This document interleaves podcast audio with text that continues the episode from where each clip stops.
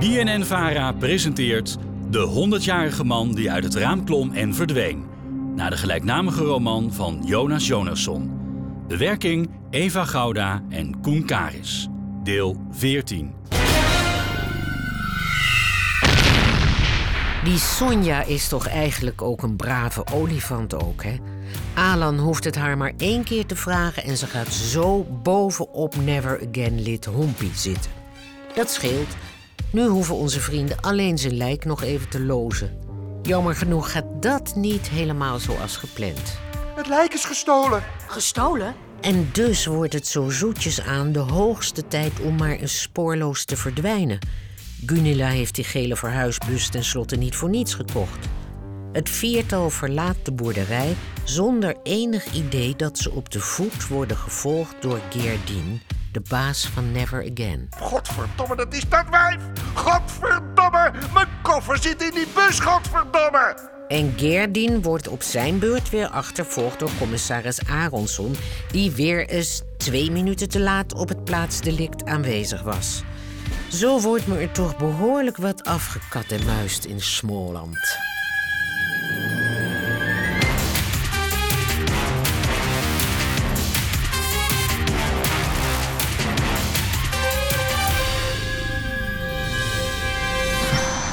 Småland, Zweden, 2005.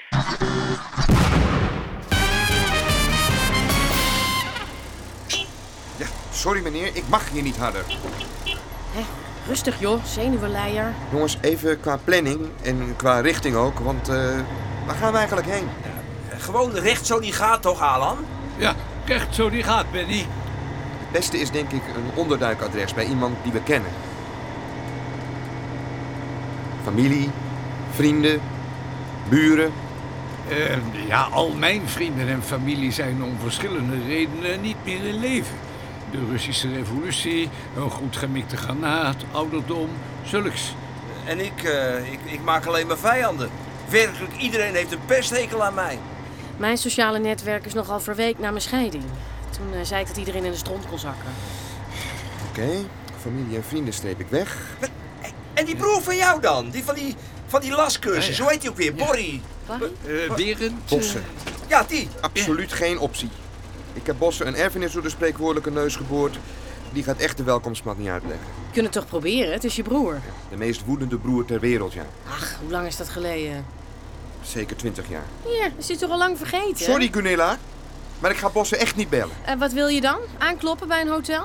Drie kamers en een kingsize bed voor onze olifant. Ja. We wilden niet opvallen, weet je nog? Zeg, eh, zijn jullie onze gezellige koffer vergeten? Met al die gezellige kroontjes. Kronen? Ja. Natuurlijk. Precies, koop hem om. Nee, Ja. Benny. ik ga hem zijn erfenis teruggeven. Jongen, jongen, jongen, jongen. Ja, ja, ja, jij kunt heel goed toeteren. Oké, ik ga hem bellen.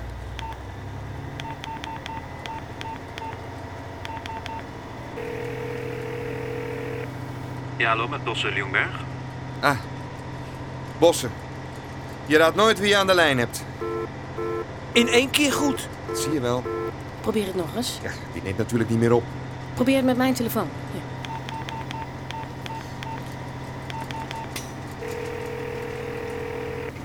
Hallo? Inderdaad, het is je bloedeigen broertje, Benny. Hoe is het nou? Hier, neem mijn telefoon. Misschien dit keer iets minder joviaal. Zou ik ook van ophangen. Sorry.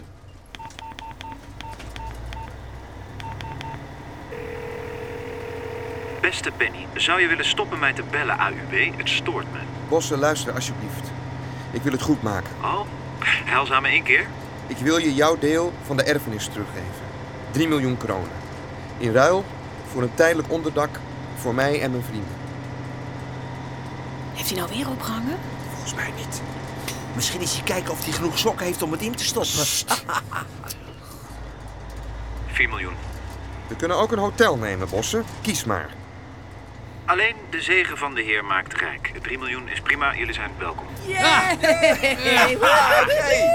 We zijn er over een paar uur, Bossen. Dankjewel, broer. Godsamme, ik word gek van die rood. We kunnen toch moeilijk de struik hier rijden? De weg wordt hier al breder. Ik kan er bijna langs. Je hebt niets gezegd over Sonja. Nee, Als die ziet hoe goed Sonja kan zitten, is het vast geen probleem. Danny, kijk uit. Geef mijn koffer terug, klerenleiers! Oei, oei, oei, oei, oh. Nog één. Oh, Oh. De balzak! oh, wat moeten we doen? Wat moeten we doen? Wat doen we nou? Eh. Oh. Remmen, Benny. Remmen! Remmen! Ik doe mijn best, maar remmen gesleken de snelheid per uur. Gedeeld door 10, dus dat is 80. Gedeeld door 10 keer 2 plus de reactiesnelheid van de bijrijder na 3 seconden. Plus 3000 extra seconden aan de olieband. Dan maakt het remmen. Ja, dat is dan- dan- dan- oh, oh, oh. Godver de balzak. Iedereen in orde? Alleen maar haar wat in de war. Qua fysieke toestand ja, qua mentale toestand twijfelachtig. Alan? Oh, hemel. Alan? Oh nee, oh nee, oh nee. Dit flik je me niet, ouwe geit. Alan? Present. Oh, Nog steeds 100. Godzijdank. Ik denk dat die toeteraar er erger aan toe is. Wat ga je doen? Kijk hoe het met hem is natuurlijk. We hebben iemand aangereden. Is dat nou wel zo verstandig? Ik ben bijna dokter, hè? Ik zeg, doorrijden. Ik heb een bijna dokterseet. Straks begint hij te schieten. Eh, Julius, jij gaat mee. Eh, ja, dag. eh. Eh, Ik blijf even zitten als je het goed vindt. Mijn beentjes zijn nog een beetje trillerig. Julius, mee. Godsamme. Nou, dat ziet er niet best uit. Geen pols. Godverdomme! Rustig! Nee! Ik doe niet rustig. Dit is al de tweede dode vandaag. Ik had bij mijn snackbar moeten blijven. Dan stond ik nu gewoon kroketjes te frituren en puntzakjes te vouwen. Maar nee hoor. Klootzak! Wie? Ik? Nee, hij! Gaat met zijn klote auto midden op de weg staan en dan ook nog doodgaan. Mogen wij weer oplossen. Krijg nou wat. Hij is niet dood. Godzijdank. Ik denk dat het onze cue is om weg te gaan, eh, Danny. En hem laten liggen? Die snikkel die probeert ons om te leggen, Benny. Ik ben een dokter, Julius. Een Eh, bijna dokter. Ik heb een dokterseed afgelegd. Een Eh, bijna dokters eet. Ga de verbanddoos halen. Ik denk echt dat we beter... Oké. Jezus. Maar we geven hem geen pijnstillers, hoor. Hoor je dat? Je krijgt geen pijnstillers. En maak daarna een plekje vrij achter in de bus. We gaan hem toch niet meenemen? Jawel. Ja, maar hou eens even. De verbanddoos, Julius. Hij is dood aan het bloeden. We kunnen toch een ambulance bellen? Met een helemaal dokter? Ambulance betekent politie. En voor zover ik weet, hou jij daar niet zo van. God, de dokter. Prima. We nemen hem mee. Gezellig. Oké. Allemaal aan één kant staan en bij drie tillen we hem op. Dit kan even pijn doen. Eén, Eén. twee, drie!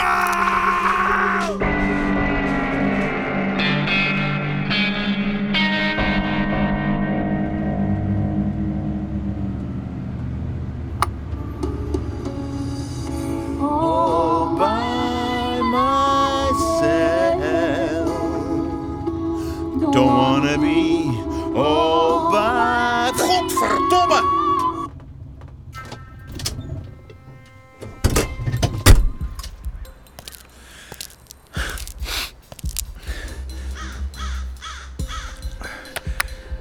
...9 mei 2005, 5 uur 50, Diane. Er staat hier midden op de weg een auto, tot los. Zwarte BMW 6-serie, kenteken 986JRL geen spoor van een mogelijk slachtoffer. Wie dan weer niet. Maar er ligt hier wel bloed op de weg. Het lijkt erop dat er een botsing is geweest met een ander voertuig. Afgaande die gele sporen op de achterkant. Gele Scania uit 92. Mijn god, Janus. Ze hebben iemand geramd. Alan en zijn, en dat zijn het, handlangers. Misschien wel met opzet. Wat zijn dit voor mensen, Diana? Wat is dit in godsnaam voor een bejaarde? En dit off the record. Oh, Ik was nu graag bij.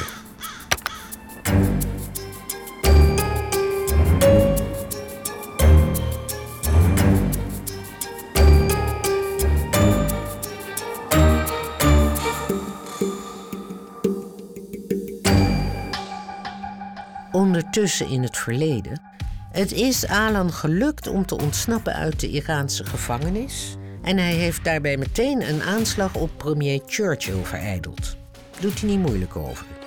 Bij de Zweedse ambassade regelt Alan via één telefoontje met zijn oude vriend president Truman een paspoort en een vlucht naar thuisland Zweden. Zeg, Harry, ik heb heel even je hulp nodig. Alles voor jou, Ellen. Oude zuipschuit. Stockholm, Zweden, 1947.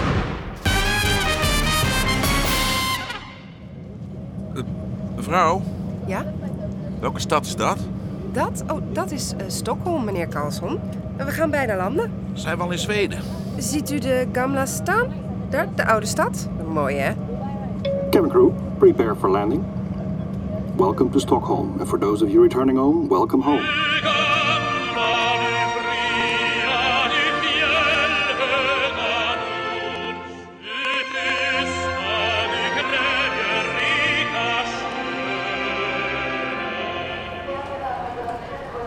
Meneer Carlson?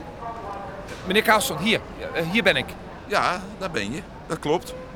Maar wie ben je? Oh, eh, eh, ik ben Olaf, eh, de assistent van premier Irlande, eh, sinds gisteren. U bent mijn eerste taakje. Nou, wat een buitengewone eer om jouw eerste taakje te zijn, Olaf. Ja. Eh, komt u mee naar de auto, meneer Carlson? Het is echt een hele gave. Eh, een Volvo PV444, hè, zwart. Helemaal nieuw. Waar gaan we heen dan? Ehm, ik moet u naar premier Erlander brengen. Eh, het fijne weet ik er niet van, maar het heeft geloof ik betrekking op de hele situatie. Eh, De hele situatie? ja, de, de Koude Oorlog, meneer. Eh, gaat u mee? Het is echt een hele mooie auto. Koude Oorlog? Victory over Germany had restored peace to Europe, but it was already threatened by a growing rift between the partners themselves. At the Potsdam Conference, President Truman and British Prime Minister Winston Churchill were on one side of the divide, determined to secure political freedom and democratic governments throughout post war Europe. Their partner, the dictator of the Soviet Union, Joseph Stalin, had other plans. He was determined to dominate all of Europe and impose communism on its nations.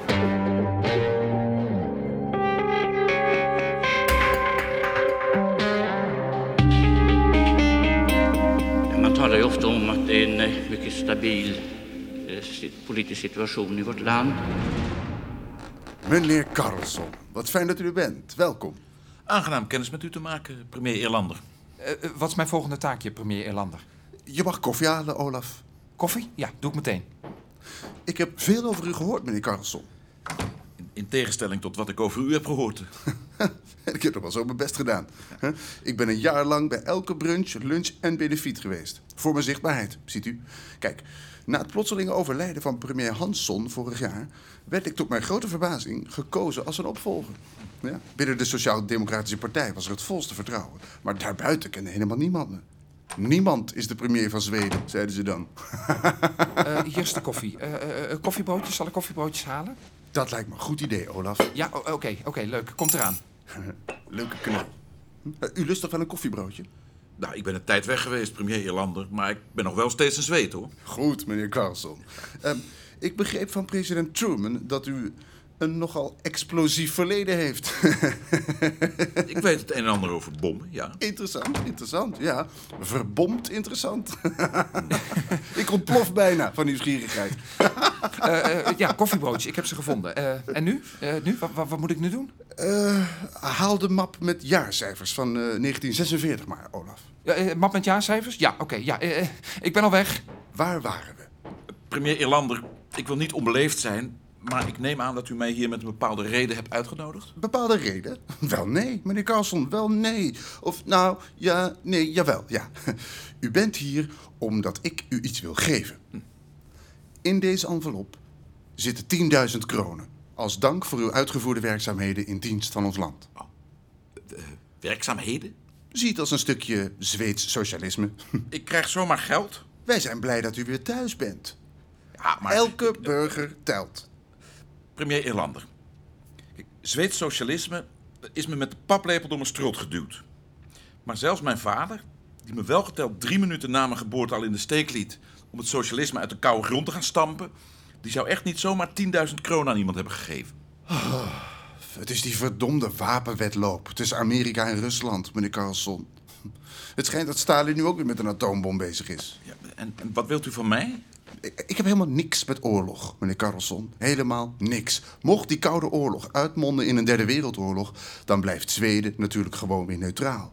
Maar voor de veiligheid van Zweden, begrijpt u? Finland is maar een klein buffertje tegen Stalins expansiedrift. En ik ben hier omdat. Momenteel is de speciaal opgerichte BV Atoomenergie bezig met het analyseren van de nucleaire toekomst vanuit Zweeds perspectief. En, ehm, eh, nou ja, ik dacht dus dat u misschien. U wilt dat ik u help bij het maken van een atoombom. Eh, ja. Ja, Mocht u geïnteresseerd zijn, dan kunt u morgen al op gesprek bij Dr. Eklund, de projectleider van Atoomenergie. Ach, waarom niet? Jaarcijfers 1946. Hier is de map.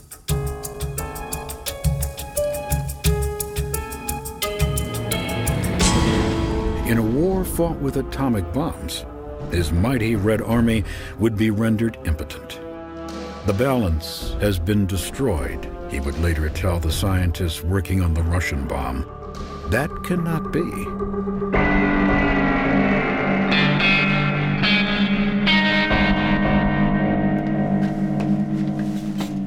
Welkom bij Atoomenergie, meneer Carlson. Aangenaam kennis met u te maken, dokter Eklund. Mhm. Ik heb weinig tijd, dus ik ga u geen koffie aanbieden. Oh, dat eh, geeft niet. Premier Erlander heeft mij verzocht uw achtergrond zorgvuldig te checken, dus dan eh, gaan we dat maar doen, hè? Want eh Tauge Erlander is de baas. Eh, ja. Opleiding?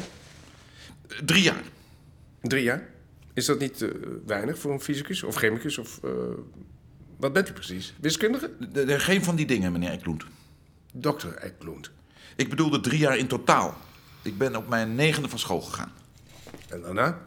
Thuisscholing? Daarna ben ik gaan werken. Werken? Ja. Op uw negende? Ja.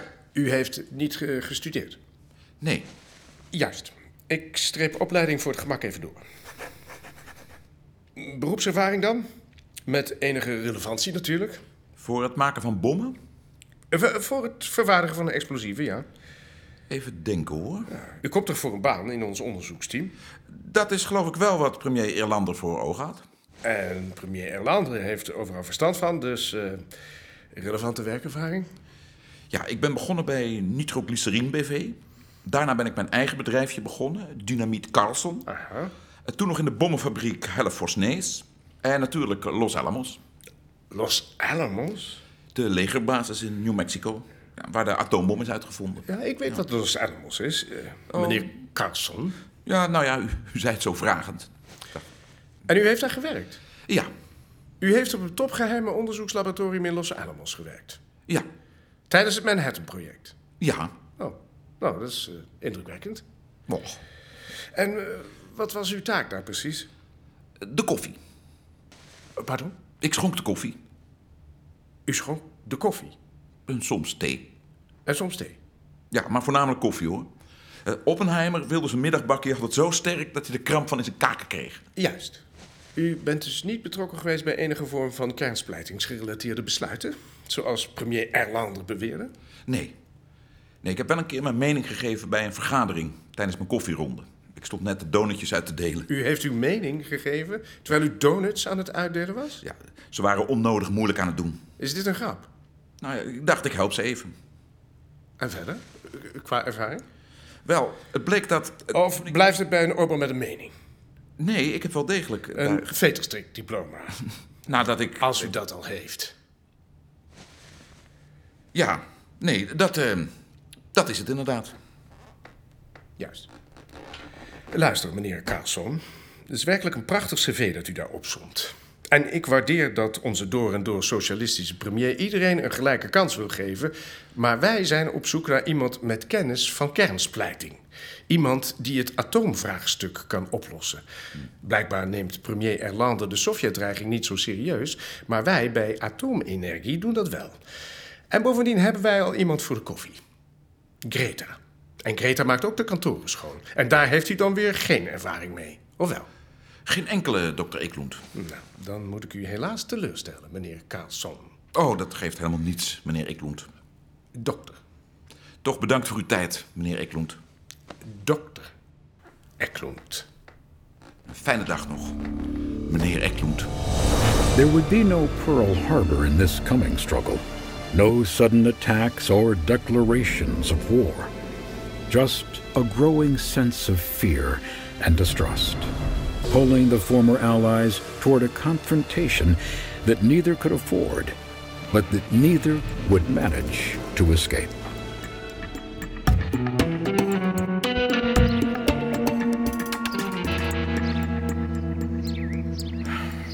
Zo. Gezellig bankje. Fris zonnetje. Lekker brandewijntje. Knappe kerel die mij hier nog wegkrijgt.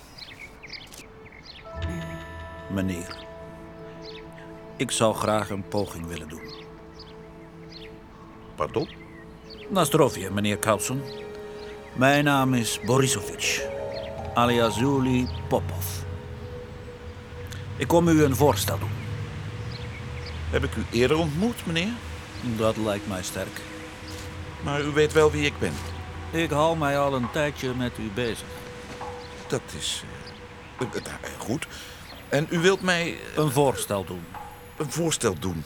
Namens mijn opdrachtgever, wiens naam ik nog niet kan noemen, maar ik kan u zonder enig oponthoud naar hem toe brengen. Maar u kunt niet vertellen waar... Waar u heen gaat?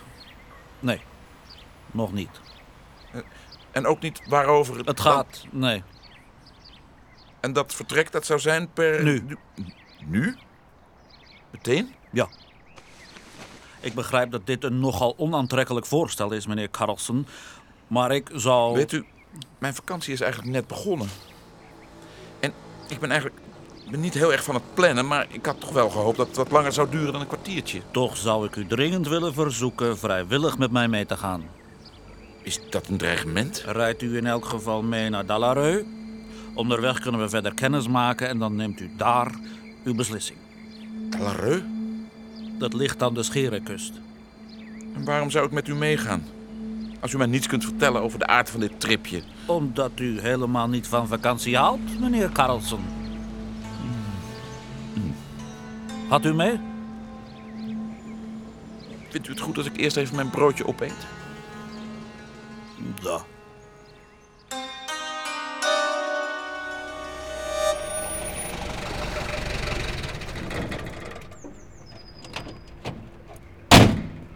Goed. Dalareu dus. Als u mij wilt volgen, meneer Carlsen. Komt de opdrachtgever hierheen? Nee. Volgt u mij maar. Maar hier begint... Moeten we... Het ijs op, meneer Carlsen, inderdaad. Weet u zeker dat... Kijkt u goed uit. Het kan glad zijn. Ja, dat heb je wel eens met ijs.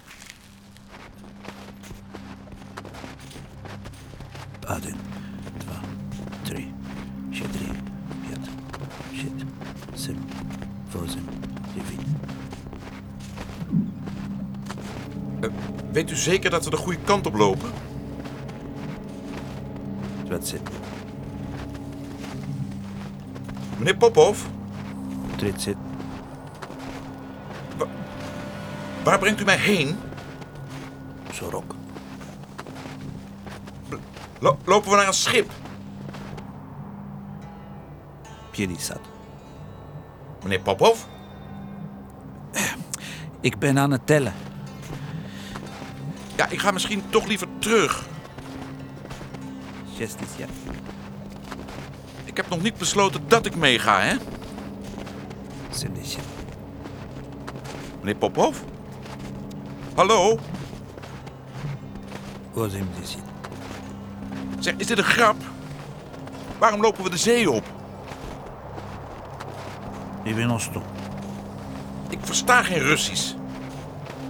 Stop. Sto? Wat sto? Hier is het. Hier is het. Hier is helemaal niks. Ik had een prachtige hotelkamer met een bijbel op het nachtkastje. En ik heb me er ontzettend op verheugd om die het hele weekend heel actief niet te gaan lezen. En nu sta ik op een bevroren zee met een zotte Rus. En ik... ik- ik-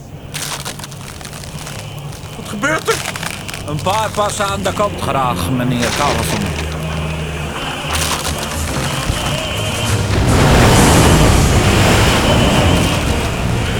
Mijn hemel! En meneer Carlsen, hoe denkt u nu over een nieuw avontuur?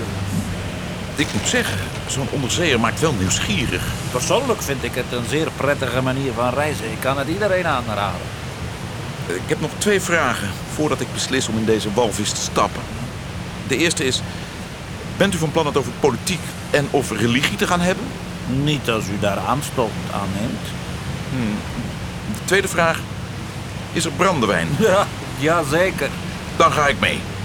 Een verstandig besluit, eh, meneer Carlsen. U zult er geen spijt van krijgen.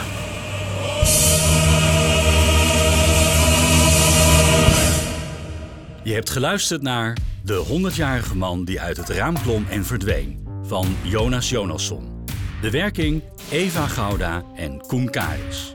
Je hoorde onder meer Joop Keesmaat, Erik van Muiswinkel, Lies Visserdijk, Peter van de Witte, Bob Fosco, Peter Drost, Tine Joustra, Reinoud Bussemaker, Ferdy Stofmeel, Stefan Rokenbrand, Fabian Jansen, Manon Blaas en Raymonde de Kuiper. Techniek Frans de Rond. Regieassistentie Hanneke Hendricks en Lonneke Dort. Sounddesign Jeroen Kuitenbrouwer, Bart Henselmans en Daan Jansen. Productie Karin van Dis.